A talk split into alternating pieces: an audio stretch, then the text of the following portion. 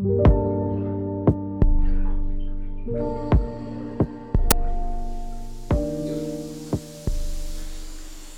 halo, selamat datang lagi di podcast sama Aksara. Gak Wow. terasa udah episode 12. Wush. Kayak tanggal lahirku tanggal 12 nah, jadi spesial buat aku. Oke, berarti hari ini hari ulang tahun. tiap hari ulang, eh, ada yang tiap bulan sekali aku ulang tahun ya, tiap tanggal 12. Oke, hari ini kita bahas apa? Deng deng. Wah, Bahas tentang ini yang be- booming beberapa waktu lalu yaitu tentang plagiarisme. ya, ya si Aukarin dan Nadia. Uh, Wah, Rudy kalau udah gosip-gosip cewek gitu Rudy emang number one. asik tau. Ya. Aku kan keturunan emak-emak. Semua orang Oh iya ya. sama. Berarti kalau orang-orang gak gosip itu muskil lah. ya keras sih hidupnya kalau nggak ada gosip Ya, ngomong tentang plagiar, plagiarisme Ruth kamu pernah nggak melakukan plagiarisme plagia, plagiat kita apa ya? Ya kalau sering sering. Ya sih itu eh, untuk keperluan biasanya tugas sekolah, tugas kampus itu beberapa kali lah.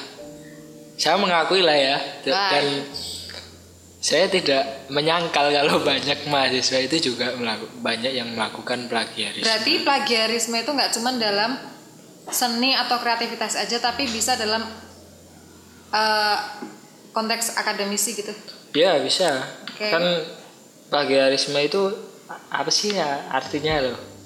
oke plagiarisme itu apa berarti Oke. kamu bisa- lihat di mana Ka- Aku lihat di KBBI aja lah. oke plagiarisme Plagiarisme itu adalah penjiplakan yang melanggar hak cipta, yaitu hak seseorang atas hasil penemuannya yang dilindungi oleh undang-undang. Hmm. Plagiat adalah pengambilan karangan atau pendapat dan sebagainya orang lain dan menjadikannya seolah-olah karangan, atau Karangan dia pendapatnya sendiri, gitu. Oke. Ada klaim seolah klaim atau membuat persepsi adalah itu karya dia padahal sebenarnya bukan. Nah paling gampang kan ketika kita ditugasin di sekolah itu kan paling gampang terjadi plagiarisme Ya. kan ah, itu kan pasti dicantumkan atas nama pribadi kan Ya, ah, ah. ngumpulin nama saya sendiri terus nih nomor induk atau apalah terus tugasnya itu ngopi semua Oh sama iya. kan? Ya. nyontek dari pihak apa dari sumber yang tidak diketahui itu juga plagiat kalau menurutku kalau Hmm, ya benar. Nah, eh, kemarin kan rame si siapa Aukarin itu kan Mm-mm.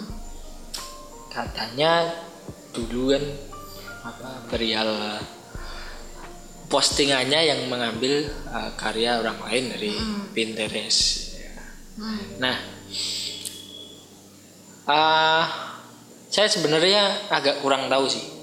Ketika kita itu ambil dari eh, sumber umum itu masuknya gimana? Secara di apakah termasuk plagiat atau gimana? Ya. Eh, di Google, Google kan sekarang menyediakan banyak hal, Mm-mm, ya oke. apalagi Wikipedia. Mm-mm. Kalau aku pribadi pandanganku pribadi karena aku belum pernah ber ini ketemu secara langsung dengan masalah plagiarisme di di ini yang kutemui langsung gitu. Hmm. Aku cuma membayangkan plagiar- plagiarisme itu batasannya adalah ketik it- mulai ada pihak yang dirugikan gitu. Merasa setidaknya paling paling minimal dia merasa dirugikan gitu.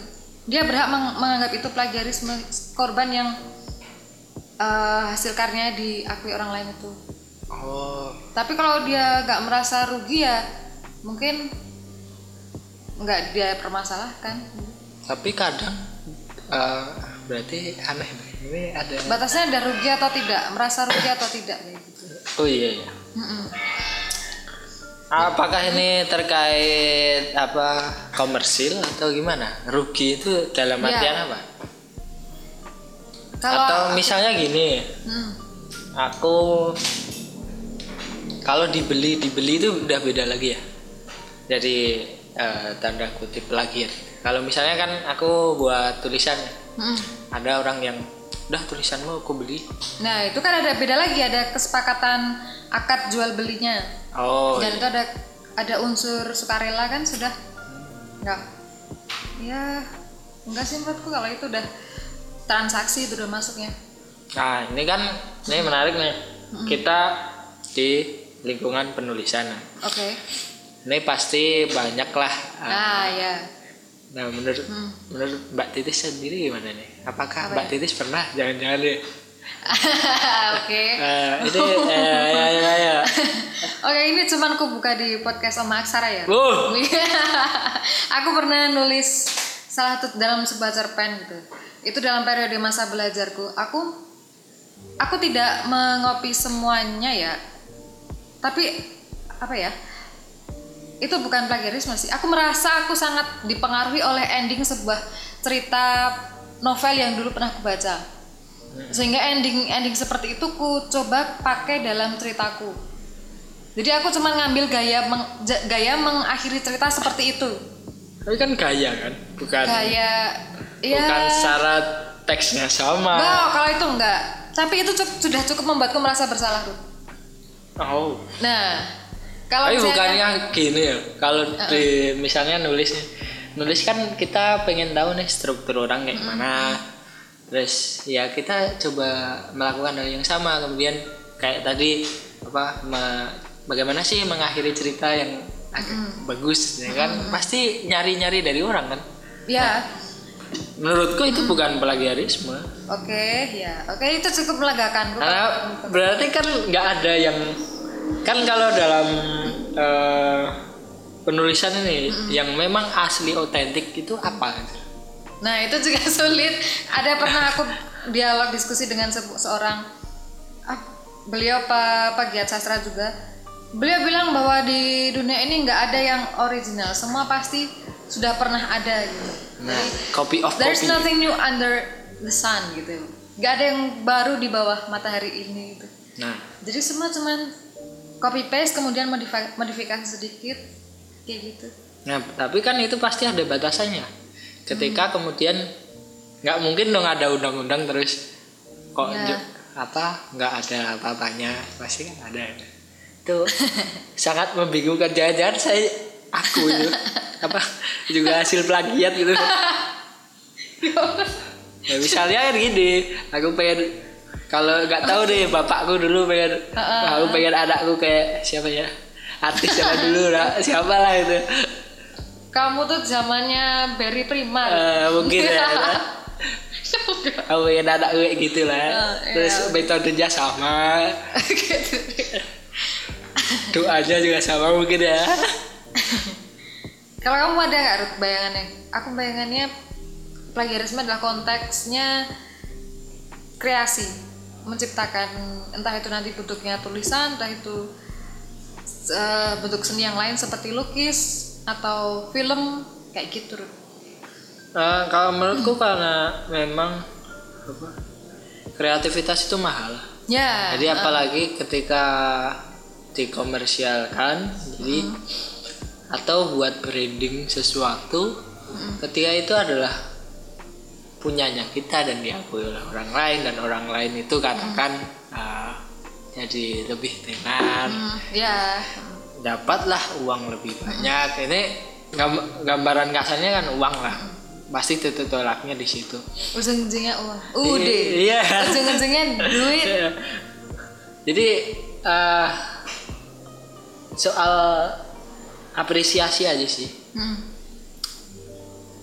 Problemnya di situ kalau kalau nyambung ke yang kemarin, kemarin kita bahas apa sih?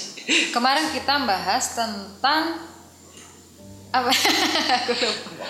duit, duit. Kenapa duit. kita bisa ya kaya? duit lagi kan ya. Iya. Kan eh, ya perkaranya kan bisa berangkat dari situ gitu loh. Kita pengen punya duit dari suatu karya kita. Terus tapi problem di Indonesia apresiasinya rendah. Jadi Hmm. plagiarisme itu sangat mungkin tumbuh di lingkungan yang memang apresiasi terhadap karya, terhadap orang lain bahkan itu rendah. gitu. Berarti Indonesia ini lahan apre, lahan untuk plagiarismenya cukup tinggi gitu. Ya pasti. Kamu. Oke. Oke. That's something new. Wong apa? Sekarang itu sekolah eh, SD guru SD lah. Guru SD itu sekarang udah ngomong sama anak Nanti kalau nggak bisa tanya di Google ya. Oh iya. Iya. Iya benar Nah itu benar. tanpa ada filtrasi apa pendidikan bagaimana Hmm. memfilter itu, Mm-mm. itu nanti akan tumbuh lah lagi bagian bagian bagian. Berarti ada ada faktor dukungan apa ya budaya pada zaman sekarang yaitu budaya untuk akses internet yang sangat mudahnya Nah itu eh apa? Sekarang itu kalau mau nyari apa yang benar itu punyanya siapa itu? punya Tuhan lah Ruth. Nah, nah itu maksudnya benar itu yang orisinal itu punyanya siapa? Orang sekarang gak ada yang orisinal. ya punya Tuhan Ruth. Oh iya. ya Allah, saya mohon maaf. oke kamu tau nggak kira-kira cara mencegah plagiarisme itu gimana Eh, pendidikan SDM yang tepat itu. Us. Yes. kamu Gila keren kan udah cocok lah jadi Keren. menteri pendidikan lah ya. Kayak Ah, ya oke. Tap- tetap tapi tetap paling paling dekat adalah kita membangun awareness pribadi ya, Rit ya. Kita mempunyai kesadaran diri bahwa plagiarisme itu adalah sesuatu yang merugikan orang lain. Gitu. Kita mempu- paling dekat kan diri sendiri yang bisa kita kontrol. Kalau kaitannya membangun SDM yang bagaimana tadi? SDM yang bagus. SDM yang baik. bagus itu kan skalanya besar ya. Besar ya. kalau kita konteksnya masih individu ya kita men, me- me- me- menghidupkan kesadaran diri sendiri aja. Kalau aku sih sesederhana itu dari diri dari individuku sendiri sendiri dari diriku sendiri. Misalnya. ya itu tadi aku menyadari bahwa aku pernah mem- menerapkan sebuah ending cerita yang menarik ke dalam ceritaku padahal itu adalah kreasi orang gitu. Untuk dalam upaya aku belajar menulis waktu itu. Memang tidak aku komersilkan tapi aku menulis itu terus apa ya aku mem- mem- mem- memperbolehkan orang lain membaca karyaku yang yang itu endingnya sebenarnya aku terinspirasi sekali dari karya orang lain. Itu cukup membuatku merasa bersalah. Nah itulah akhirnya awareness itu mampu mem- memberikan kayak alarm gitu. Ketika kita melakukan kesalahan alarm itu akan berbunyi. Entah itu bentuknya nanti rasa bersalah entah itu bentuk bentuknya nanti apa ya eh keinginan untuk tidak mengulangi lagi nah itu kan dari awal dari diri sendiri Oh iya. skalanya individu sih kalau aku untuk mencegah ya kita temukan dari diri sendiri aja lah udah Enggak tapi susah ya. kenapa sah Lah, apa yang bikin susah Ya, apa? lah kalau lingkungannya seperti itu gimana itu? Iya, kalau nggak gitu, misalnya nggak dapat nilai gitu. oh Itu, tapi itu alasan orang yang konyol sih, orang yang nggak berani, orang yang nggak apa pecundang lah ya. Oke lah ya. oke kalau kamu sendiri kamu punya sikap terhadap plagiarisme tuh kayak mana? Eh, sikap dalam bentuk apa? Maksudnya apa ini? Sikap seperti apa? ya misalnya aku bilang pada kamu bahwa aku pernah membuat ending cerita yang itu sangat terinspirasi dari ending cerita orang lain nah misalnya katakanlah aku menganggap itu sebagai plagiarisme entah itu sebenarnya plagiarisme atau bukan tapi aku aku menyesal tuh aku ada rasa bersalah. Nah kamu terhadap si kamu terhadap apa yang kulakukan gimana? Kalau aku, aku sih melihat dari apa sih impactnya buat dia itu. Buat aku atau buat yang buat membaca? siapa pun siapa pun yang melakukan plagiat itu impactnya seperti apa. Karena kalau memang impactnya adalah ada yang dirugikan itu saya kira ya harus ditindak lah. Ya oke. Tapi kalau enggak ya ya gimana wong? Nggak ada kan ide itu otentik itu kan nggak ada. Oke. Kalau Ya. otentik ya ya Tuhan itu lah ya.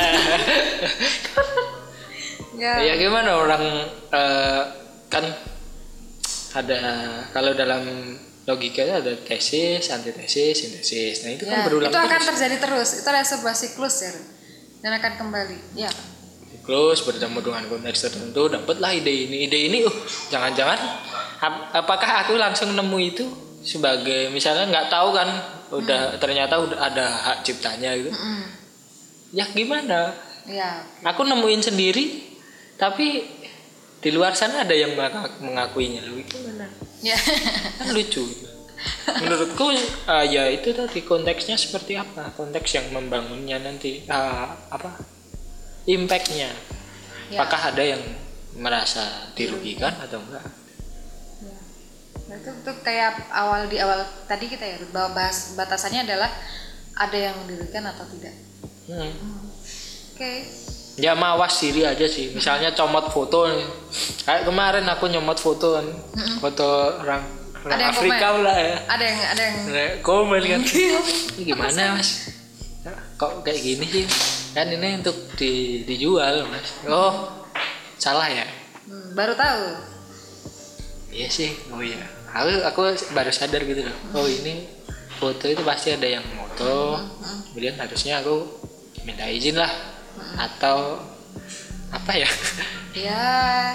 Ya, Ah, tapi izin. susah ya misalnya kalau foto yang tersip tersebar di Google Image itu Mm-mm. susah mau nyari Setidaknya kita nyantumin lagi ini ambil di Google gitu. Hmm. Udah mungkin bahasan kita malam ini gitu aja Ruth. Dan Iya. aku berharap sekali ketika teman-teman yang mendengarkan ini eh ikut memberikan masukan gitu loh atau pendapat batasan plagiarisme pada zaman sekarang di era informasi ini kita akses sangat mudah sekali. Itu batasannya apa di era seperti ini gitu.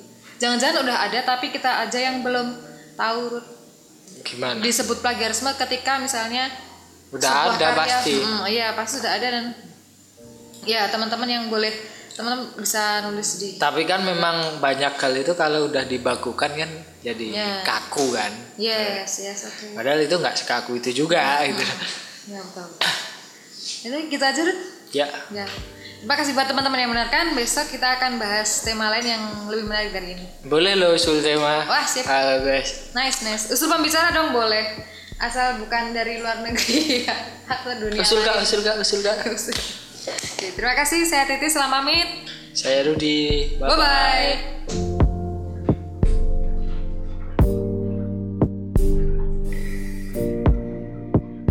aku kan keturunan emak-emak